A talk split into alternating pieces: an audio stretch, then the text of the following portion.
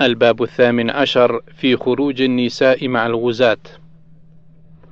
1130 عن أنس رضي الله عنه أن أم سليم رضي الله عنها اتخذت يوم حنين خنجرا فكان معها فرآها أبو طلحة فقال يا رسول الله هذه أم سليم معها خنجر. فقال لها رسول الله صلى الله عليه وسلم ما هذا الخنجر؟ قالت اتخذته إن دنا مني أحد من المشركين بقرت به بطنه. فجعل رسول الله صلى الله عليه وسلم يضحك. قالت يا رسول الله اقتل من بعدنا من الطلقاء إن هزموا بك. فقال رسول الله صلى الله عليه وسلم يا أم سليم إن الله عز وجل قد كفى وأحسن. 1131 عن أنس بن مالك رضي الله عنه قال لما كان يوم أحد انهزم ناس من الناس عن النبي صلى الله عليه وسلم وأبو طلحة بين يدي النبي صلى الله عليه وسلم مجوب عليه بحجفة.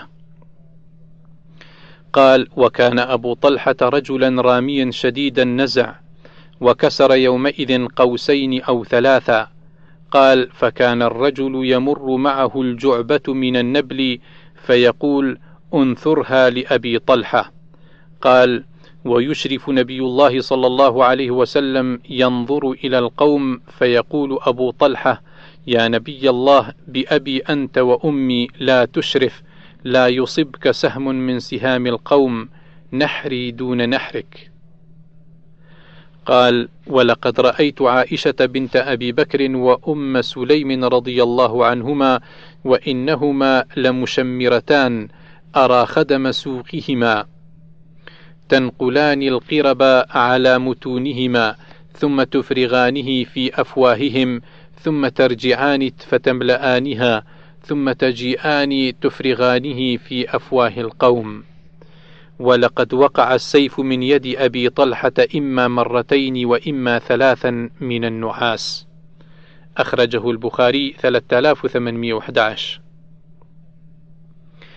1132 عن أم عطية الأنصارية رضي الله عنها قالت: غزوت مع رسول الله صلى الله عليه وسلم سبع غزوات أخلفهم في رحالهم فأصنع لهم الطعام وأداوي الجرحى وأقوم على المرضى. الباب التاسع عشر النهي عن قتل النساء والصبيان في الغزو. 1133 عن عبد الله بن عمر رضي الله عنهما قال: وجدت امرأة مقتولة في بعض تلك المغازي فنهى رسول الله صلى الله عليه وسلم عن قتل النساء والصبيان. أخرجه البخاري 3015 الباب العشرون ما أصيب من ذراري العدو في البيات. 1134 عن الصعب بن جثامة رضي الله عنه قال: سئل رسول الله صلى الله عليه وسلم عن الذراري من المشركين يبيتون فيصيبون من نسائهم وذراريهم، فقال: هم منهم. أخرجه البخاري 3012 الباب الحادي والعشرون قطع نخيل العدو وتحريقها. 1135 عن عبد الله بن عمر رضي الله عنهما أن رسول الله صلى الله عليه وسلم قطع نخل بني النضير وحرق. ولها يقول حسان رضي الله عنه وهان على سرات بني لؤي حريق بالبويرة مستطير. وفي ذلك نزلت ما قطعتم من لينة أو تركتموها قائمة على أصولها. الآية. أخرجه البخاري 4032 الباب الثاني والعشرون أخذ الطعام في أرض العدو.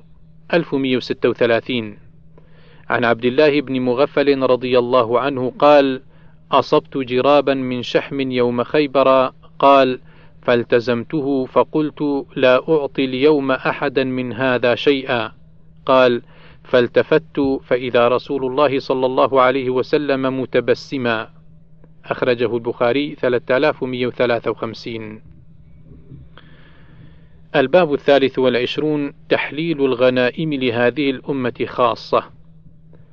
1137 عن أبي هريرة رضي الله عنه قال قال رسول الله صلى الله عليه وسلم غزا نبي من الأنبياء فقال لقومه لا يتبعني رجل قد ملك بضع امرأة وهو يريد أن يبني بها ولما يبني ولا آخر قد بنى بنيانا ولما يرفع سقفها ولا آخر قد اشترى غنما أو خليفات وهو منتظر ولادها.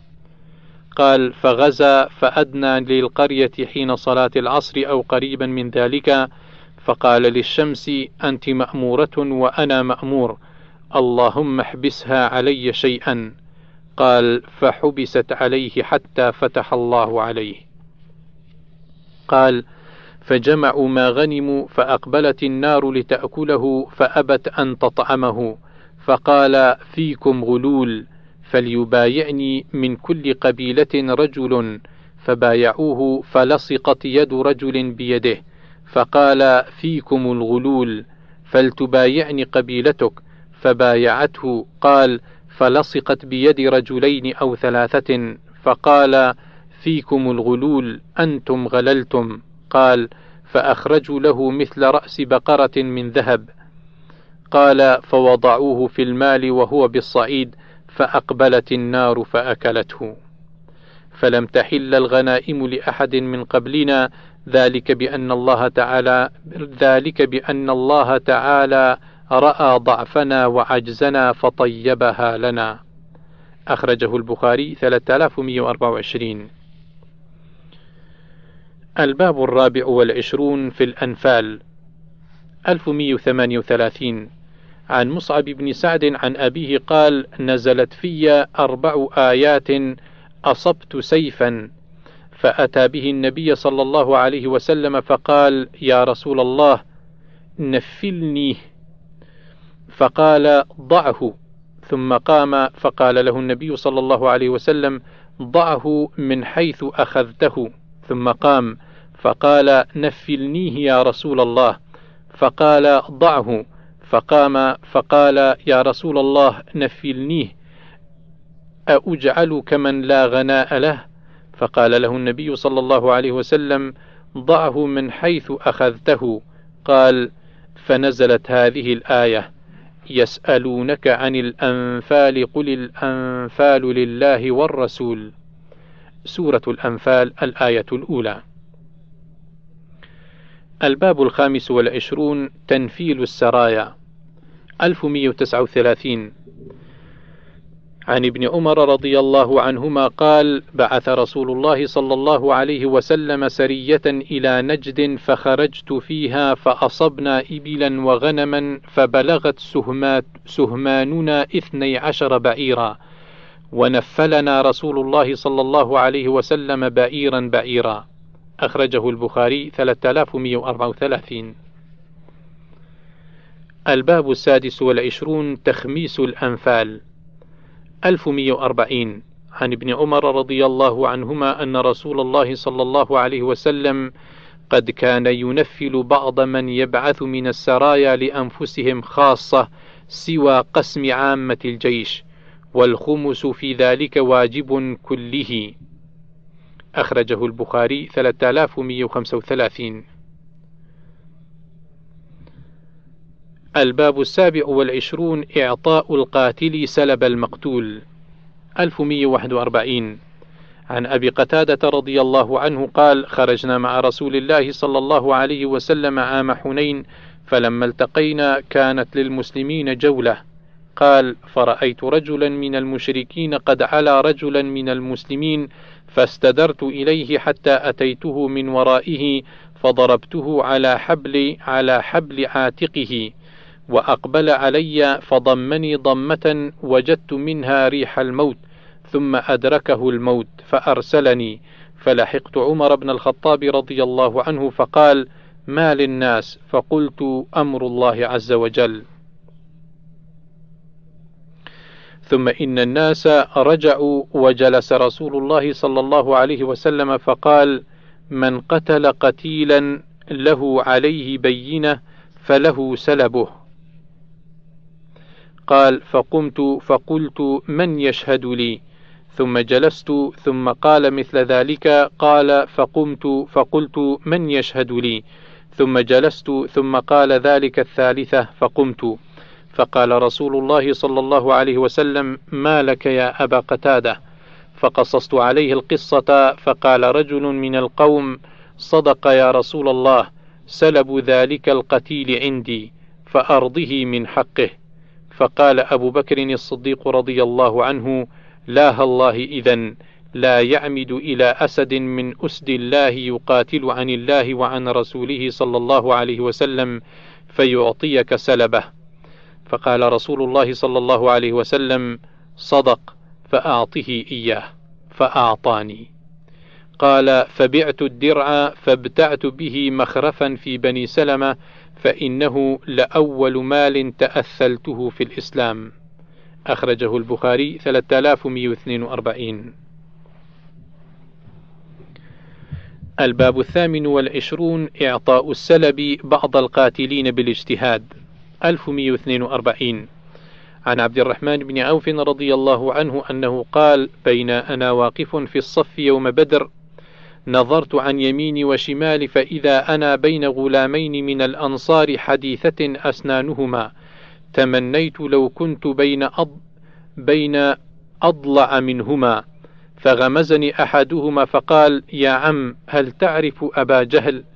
قال قلت نعم وما حاجتك إليه يا ابن أخي؟ قال أخبرت أنه يسب رسول الله صلى الله عليه وسلم. والذي نفسي بيده لئن رأيته لا يفارق سوادي سواده حتى يموت الأعجل منا. قال فتعجبت لذلك فغمزني الآخر فقال مثلها. قال فلم أنشب أن نظرت إلى أبي جهل يزول في الناس فقلت ألا تريان هذا صاحبكما الذي تسألان عنه؟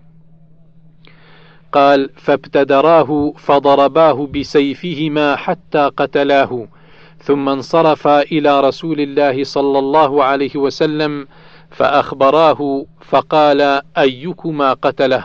فقال كل واحد منهما أنا قتلته. فقال هل مسحت هل مسحتما سيفيكما؟ قالا لا. فنظر في السيفين فقال كلاكما قتله. وقضى بسلبه لمعاذ بن عمرو بن الجموح. والرجلان معاذ بن عمرو بن الجموح ومعاذ بن عفراء. أخرجه البخاري 3141 الباب التاسع والعشرون منع القاتل السلب بالاجتهاد. 1143 عن عوف بن مالك رضي الله عنه قال قتل رجل من حمير رجل من العدو فأراد سلبه فمنعه خالد بن الوليد رضي الله عنه وكان واليا عليهم. فأتى رسول الله صلى الله عليه وسلم عوف بن مالك فأخبره فقال لخالد ما منعك أن تعطيه سلبه؟ قال استكثرته يا رسول الله. قال ادفعه إليه. فمر خالد بعوف فجر بردائه ثم قال هل أنجزت لك ما ذكرت لك من رسول الله صلى الله عليه وسلم؟ فسمعه رسول الله صلى الله عليه وسلم فاستغضب فقال لا تعطه يا خالد لا تعطه يا خالد. هل أنتم تاركون لي أمرائي؟ إنما مثلكم ومثلهم كمثل رجل استرعي إبلا أو غنما فرعاها ثم تحين سقيها فأوردها حوضا فشرعت فيه فشربت صفوه وتركت كدره. فصفوه لكم وكدره عليهم. الباب الثلاثون في إعطاء جميع السلب للقاتل. 1144 عن سلمة بن الأكوع رضي الله عنه قال: غزونا مع رسول الله صلى الله عليه وسلم هوازنا فبينا نحن نتضحى مع رسول الله صلى الله عليه وسلم إذ جاء رجل على جمل أحمر فأناخه ثم انتزع طلقا من حقبه فقيد به الجمل ثم تقدم يتغذى مع القوم وجعل ينظر وفينا ضعفة ورقة في الظهر وبعضنا مشاة إذ خرج يشتد فأتى جمله فأطلق قيده ثم أناخه وقعد عليه فأثاره فاشتد به الجمل فاتبعه رجل على ناقة ورقاء. قال سلمة وخرجت أشتد وكنت عند ورك الناقة ثم تقدمت حتى كنت عند ورك الجمل. ثم تقدمت حتى أخذت بخطام الجمل فأنخته فلما وضع ركبته في الأرض اخترطت سيفي فضربت رأس الرجل فندر ثم جئت بالجمل أقوده عليه رحله وسلاحه فاستقبلني رسول الله صلى الله عليه وسلم والناس معه فقال من قتل الرجل؟ قالوا ابن الأكوع. قال له سلبه أجمع.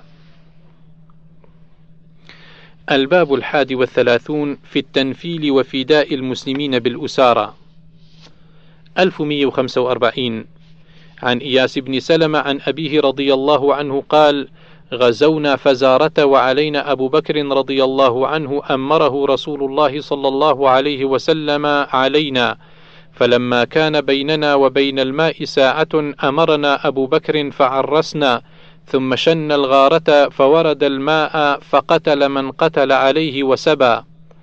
وأنظر إلى عنق من الناس فيهم الذراري فخشيت أن يسبقوني إلى الجبل فرميت بسهم بينهم وبين الجبل فلما رأوا السهم وقفوا فجئت بهم أسوقهم وفيهم امرأة من بني فزارة عليها قشع من أدم.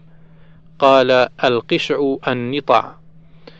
معها ابنة لها من أحسن العرب فسقتهم حتى أتيت بها أبا بكر رضي الله عنه فنفلني أبو بكر ابنتها. فقدمنا المدينة وما كشفت لها ثوبا فلقيني رسول الله صلى الله عليه وسلم في السوق فقال يا سلم هب لي المرأة. فقلت يا رسول الله والله لقد أعجبتني وما كشفت لها ثوبا. ثم لقيني رسول الله صلى الله عليه وسلم من الغد في السوق فقال لي يا سلم هب لي المرأة لله أبوك. فقلت هي لك يا رسول الله. فوالله ما كشفت لها ثوبا. فبعث بها رسول الله صلى الله عليه وسلم إلى أهل مكة ففدى بها ناسا من المسلمين كانوا أسروا بمكة. الباب الثاني والثلاثون السهمان والخمس فيما افتتح من القرى بقتال. 1146 عن أبي هريرة رضي الله عنه قال قال رسول الله صلى الله عليه وسلم أيما قرية أتيتموها وأقمتم فيها فسهمكم فيها وأيما قرية عصت الله ورسوله فإن خمسها لله ولرسوله ثم هي لكم. الباب الثالث والثلاثون فيما يصرف الفيء إذا لم يوجف عليه بقتال. 1147 عن مالك بن أوس قال أرسل إلي عمر بن الخطاب رضي الله عنه فجئته حين تعالى النهار قال فوجدته في بيته جالسا على سرير مفضيا إلى رماله متكئا على وسادة من أدم. فقال لي يا مال إنه قد دف أهل أبيات من قومك وقد أمرت فيهم برضخ فخذه فاقسمه بينهم. قال قلت لو أمرت بهذا غيري قال خذه يا مال.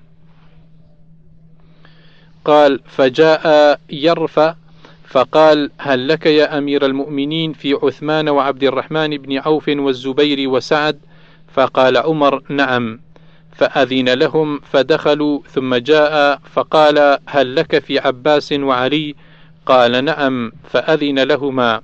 فقال عباس يا أمير المؤمنين اقضي بيني وبين هذا. وذكر كلاما. قال فقال القوم أجل يا أمير المؤمنين فاقض بينهم وأرحهم. فقال مالك بن أوس يخيل إلي أنهم قد كانوا قدموهم لذلك. فقال عمر اتئدا أنشدكم بالله الذي بإذنه تقوم السماء والأرض. أتعلمون أن رسول الله صلى الله عليه وسلم قال لا نورث ما تركنا صدقة؟ قالوا نعم. ثم أقبل على العباس وعلي رضي الله عنهم فقال أنشدكما بالله الذي بإذنه تقوم السماء والأرض. أتعلمان أن رسول الله صلى الله عليه وسلم قال لا نورث ما تركنا صدقة. قالا نعم. فقال عمر إن الله عز وجل كان خص رسول الله صلى الله عليه وسلم بخاصة لم يخصص بها أحدا غيره. قال ما أفاء الله على رسوله من أهل القرى فلله وللرسول. ما أدري هل قرأ الآية التي قبلها أم لا. قال فقسم رسول الله صلى الله عليه وسلم بينكم أموال بني النضير فوالله ما استأثر عليكم ولا أخذها دونكم حتى بقي هذا المال. فكان رسول الله صلى الله عليه وسلم يأخذ منه نفقة سنة ثم يجعل ما بقي أسوة المال. ثم قال أنشدكم بالله الذي بإذنه تقوم السماء والأرض أتعلمون ذلك؟ قالوا نعم. ثم نشد عباسا وعليا بمثل ما نشد به القوم أتعلمان ذلك؟ قالا نعم. قال فلما توفي رسول الله صلى الله عليه وسلم قال أبو بكر رضي الله عنه أنا ولي رسول الله صلى الله عليه وسلم فجئتما تطلب ميراثك من ابن أخيك ويطلب هذا ميراث امرأته من أبيها. فقال أبو بكر قال رسول الله صلى الله عليه وسلم ما نورث ما تركنا صدقة فرأيتماه كاذبا آثما غادرا خائنا والله يعلم إنه لصادق بار راشد تابع للحق. ثم توفي أبو بكر وأنا ولي رسول الله صلى الله عليه وسلم وولي أبي بكر فرأيتمان كاذبا آثما غادرا خائنا. والله يعلم إني لصادق بار راشد تابع للحق. فوليتها ثم جئتني أنت وهذا وأنتما جميع وأمركما واحد فقلتما ادفعها إلينا. فقلت إن شئتم دفعتها إليكما على أن عليكما عهد الله أن تعملا فيها بالذي كان يعمل رسول الله صلى الله عليه وسلم. فأخذتماها بذلك. قال أكذلك؟ قالا نعم. قال ثم جئتماني لأقضي بينكما ولا والله لا أقضي بينكما بغير ذلك حتى تقوم الساعة. فإن عجزتما عنها فرداها إلي. أخرجه البخاري 3094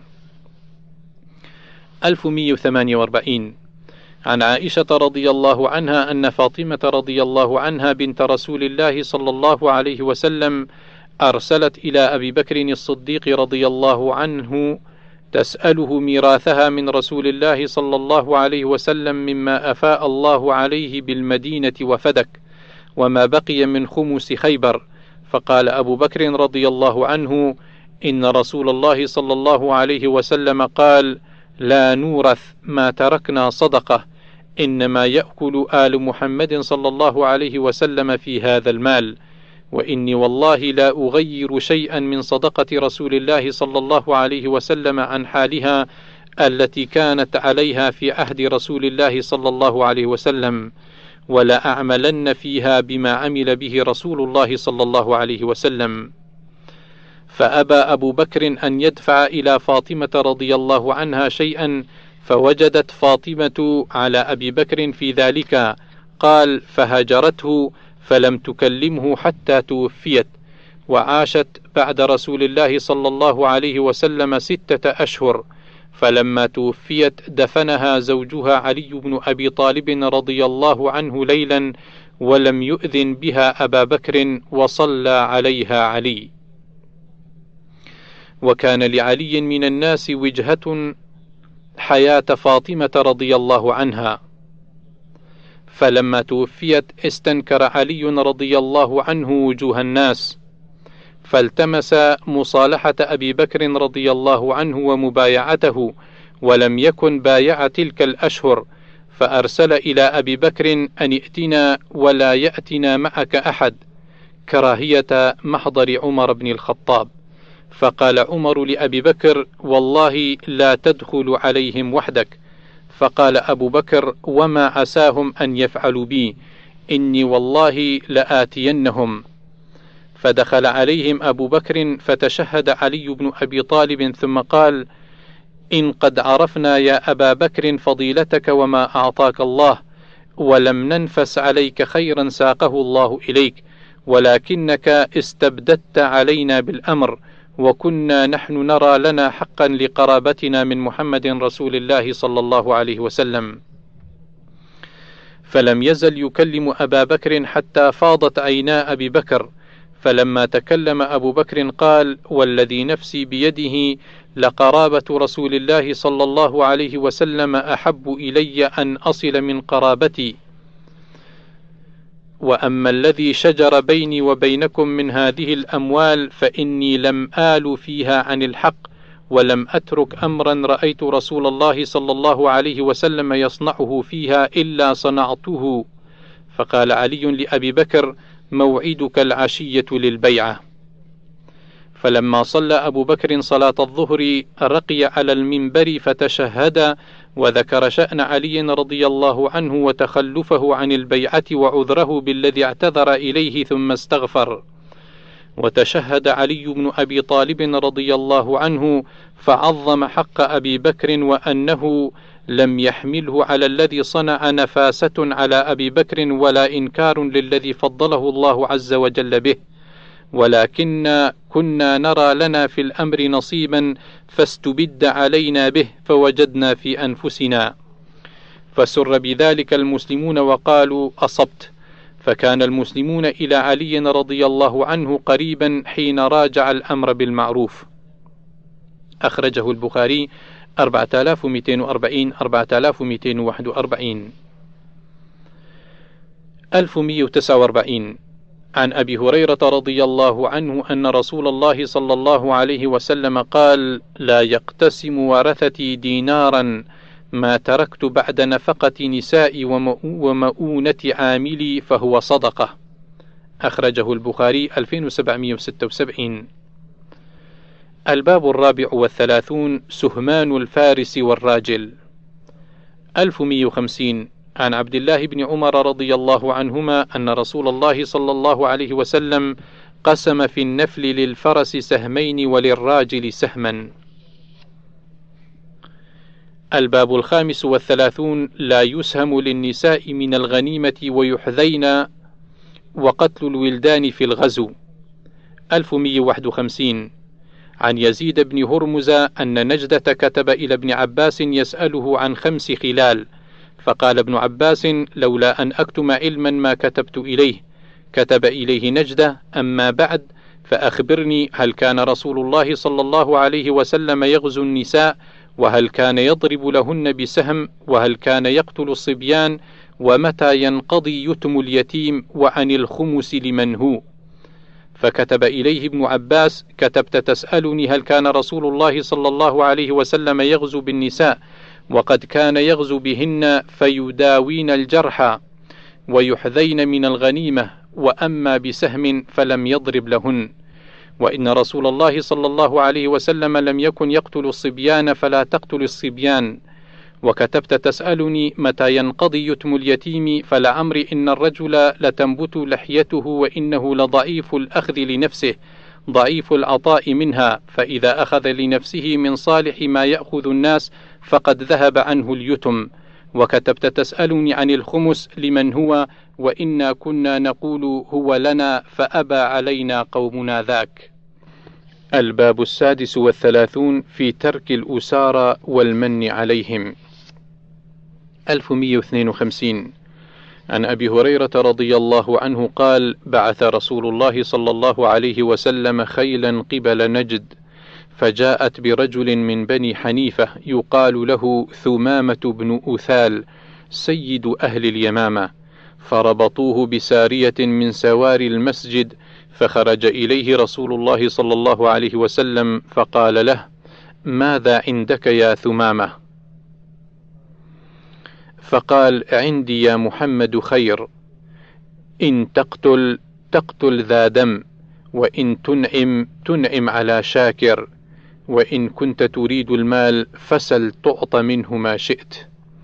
فتركه رسول الله صلى الله عليه وسلم حتى كان من الغد فقال ما عندك يا ثمامة؟ قال ما قلت لك إن تنعم تنعم على شاكر. وإن تقتل تقتل ذا دم وإن كنت تريد المال فسل تعط منه ما شئت. فتركه رسول الله صلى الله عليه وسلم حتى كان بعد الغد فقال ما عندك يا ثمامة؟ فقال ما فقال عندي ما قلت لك إن تنعم تنعم على شاكر وإن تقتل تقتل ذا دم وإن كنت تريد المال فسل تعط منه ما شئت. فقال رسول الله صلى الله عليه وسلم أطلقوا ثمامة. فانطلق إلى نخل قريب من المسجد فاغتسل ثم دخل المسجد فقال أشهد أن لا إله إلا الله وأشهد أن محمدا عبده ورسوله. يا محمد والله ما كان على الأرض وجه أبغض إلي من وجهك فقد أصبح وجهك أحب الوجوه كلها إلي والله ما كان من دين أبغض إلي من دينك فأصبح دينك أحب الدين كله إلي. والله ما كان من بلد أبغض إلي من بلدك فأصبح بلدك أحب البلاد كلها إلي. وإن خيلك أخذتني وأنا أريد العمرة فماذا ترى؟ فبشره رسول الله صلى الله عليه وسلم وأمره أن يعتمر. فلما قدم مكة قال له قائل أصبوت؟